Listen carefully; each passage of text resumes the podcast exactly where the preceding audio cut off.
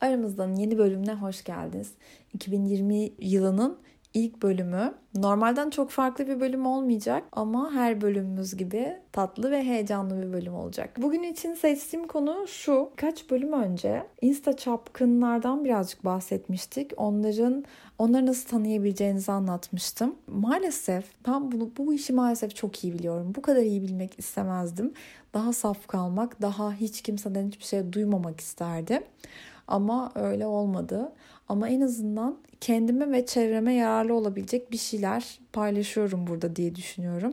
Gerçi deneyimlemeden hiç kimse hiçbir şey anlamıyor ama ben yine sizi uyarmış olayım. Böyle biriyle, böyle birini tanıyordum zaten.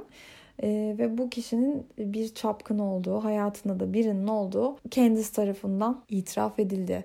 Ama peki niye böyle davrandın dediğimde ama ben arkadaşça zaten söylemiştim dedi. Arkadaşça mı? Yani hepimiz karşı cinsin neyi arkadaşça yaptığını ve neyi yapmadığını çok iyi biliriz. Hepimizin arkadaş olarak gördüğü insanlara davranışımız ve asla söylemeyeceğimiz bazı şeyler vardır. Asla davet etmeyeceğimiz yerler vardır. Ve bir insta çapkın her zaman mutlaka sen yanlış anlamışsın der. Sen beni yanlış anlamışsın. Hiçbir zaman hiç kimseyi yanlış anlamayız. Bu konuda sakın teslim olmayın, sakın yanlış anladığınızı düşünmeyin. Çünkü bunlar size kendinizi kezban gibi hissettirmeye çalışırlar. İlişkiye aç, ilgiye aç, her şeyi yanlış anlayabilecek, hiç de modern olmayan biri gibi hissettirmeye çalışırlar. Sakın bunların ortak özelliği canım sen yanlış anlamışsındır. Hiçbir şeyi yanlış anlamıyoruz arkadaşlar. Bu konuda kendimle gurur duyduğumu kayıt altına almak istedim. Ondan sonra başka bir konuya geçmek üzere bu çapkınlar konusunu kapatıyorum. Ama yine çok da böyle pembe bir konuya geçmiyorum. Geçen gün arkadaşımla konuşurken onun bana danıştığı bir konu üzerine birazcık e, yalan söyleme alışkanlığı olan erkekler üzerine konuştu. Kendisinin henüz başlayan ilişkisinde duyduğu çok anlamsız bir yalan ki ben de böyle bir yalan, bu kadar anlamsız bir yalanla karşı karşıya kalmıştım birkaç hafta önce ve hemen bitirdim ilişkimi. Çünkü dedim ki bu yalan bu ilişkiyi bir yere götürmedi. Götüremez. Çünkü bazı şeylerin yalan olduğu çok bellidir.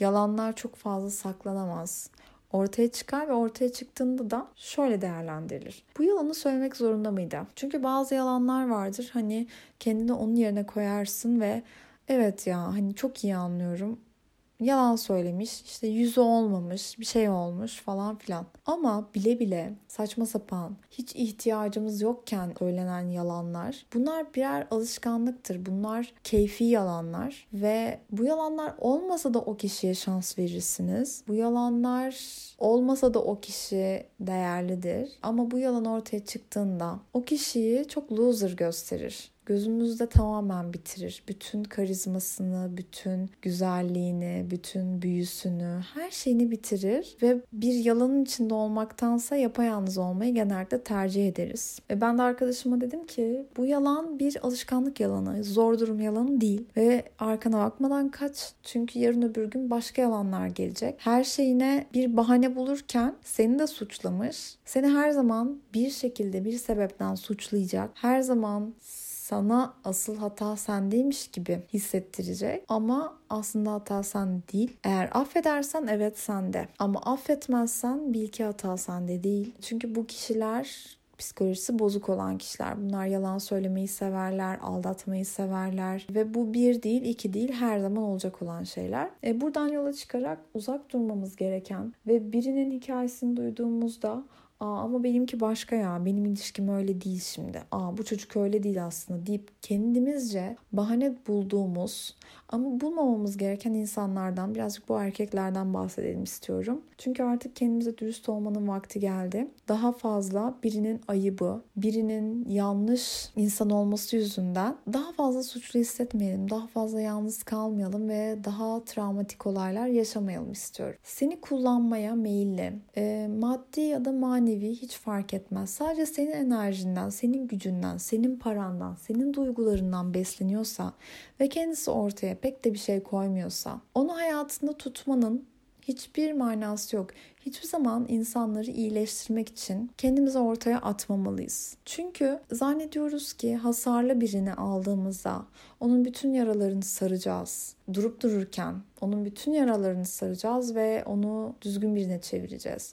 Issız adamları sadık birer kocaya, yalancıları inanılmaz dürüst birer insana dönüştüreceğiz. Hayır öyle olmayacak. Yorulduğumuzda kalacağız. %99 o ilişki hiçbir yere varmayacak. O insan hiçbir zaman değişmeyecek. Biz verdiğimizde kalacağız. Eğer bu kadar bir şey vermek istiyorsanız çocuk doğurun. Kendi çocuğunuza bu kadar emeği verin. Maddi manevi ona verin çünkü bu annelik. Annelik ve babalık maddi manevi bir zaman karşılık beklemeden sadece vermeye dayanır. Bu bir alışveriş değildir, sadece vermektir. Eğer veriyorsanız kendi çocuğunuza verin, elin adamına vermeyin. Çünkü eğer alışveriş yoksa bir ilişkide sizin de olmamanız gerekiyor. Siz veriyorsanız karşı tarafın da vermesi gerekiyor. Ve hep bir teraziye koyun ve ölçün. Yani ben çok vericiyim lafı çok da gurur duyulacak bir şey değildir. Ben üzülürüm. Ben çok vericiyimlere gerçekten bu kadar veriyorsa ve buna şahit oluyorsam gerçekten üzülüyorum.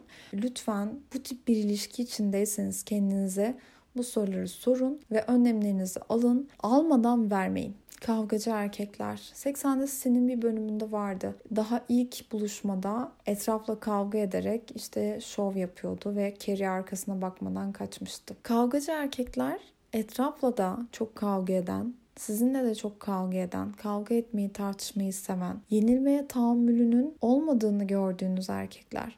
Bunlarla ömür geçmez çünkü huzur arıyoruz. Bir noktada tabii ki tartışmasız bir ilişki olmuyor ama bunu minimumda tutmamız gerekiyor. Yani artık aşağı yukarı sinirleneceği zamanları bildiğiniz insanlar. Garip gelmiyor mu? Çok yorucu. Mesela benim bir ilişkimde işleri kötü giderse çok büyük kavgalar edeceğimizi bildiğim bir ilişkim vardı. O benim erkekler ve parayla alakalı olan bütün fikirlerimi yeniden düzenlememi sağlamıştı. Evet insanlar işler ters gittiğinde etrafına da birazcık daha özensiz davranabiliyorlar. Biz de kötü davranabiliyoruz. En çok annemize, çevremize, yakınlarımıza böyle nazımız geçiyor çünkü. Ama bir erkek çok sık bu para pul konusunu ya da işte başka konuları bir hırs yaptığı bir şey varsa ve çok sık yenilgiye uğrayıp sizinle tartışma çıkarıyorsa, sizin sürekli huzurunuz kaçıyorsa ve o başladığı kavgalar bir türlü bitmiyorsa lütfen bir kez daha düşünün hayatınızı böyle geçirmek istediğinizden emin misiniz? Biliyorum ayrılmak çok zor. Bunu değiştirmek daha zor. Bu sizin hayatınız ve arkanıza bakmadan kaçın. Mutsuz erkekler, kendinden memnun olmayan biri mutlaka karşısında da sorunlar bulur. Karşısında da eksikler bulur. Bazı erkekler vardır mesela fiziksel olarak sizi hep eleştirirler. İşte şuran şöyle buran böyle işte ayakların güzel değil ellerin güzel bu oje olmamış işte dudakların mı biraz ince işte burnun burnunu mu yaptırsan biraz yanaklar mı olsa kilo verme sakın aa kilo alma falan filan.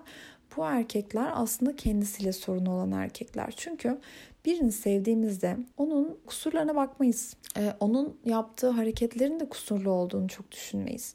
Birini sürekli eleştiriyorsanız o kişiyi sevmiyorsunuzdur zaten. Uyuz oluyorsunuzdur. Her şeyi batar onun. Kaşı, gözü, saçının olması bile batar.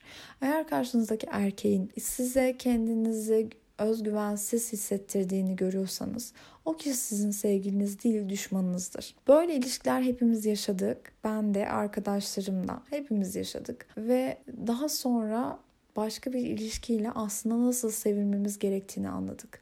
Dolayısıyla lütfen gözünüzü açın ve eğer kendinizi özgüvensiz hissettiğiniz, hep yetersiz hissettiğiniz, hep karşınızdakini hak etmeniz gerekiyormuş, siz bir yarıştaymışsınız gibi hissettiğiniz bir ilişkinin içindeyseniz bir kez daha düşünün ve bu ilişkiye bir son verin. Aramızdan bu bölümünden de bu kadar. Bence çok önemli bir konuydu. 2020 yılına girdiğimizde ilk konuşmamız gereken şeylerden biri buydu.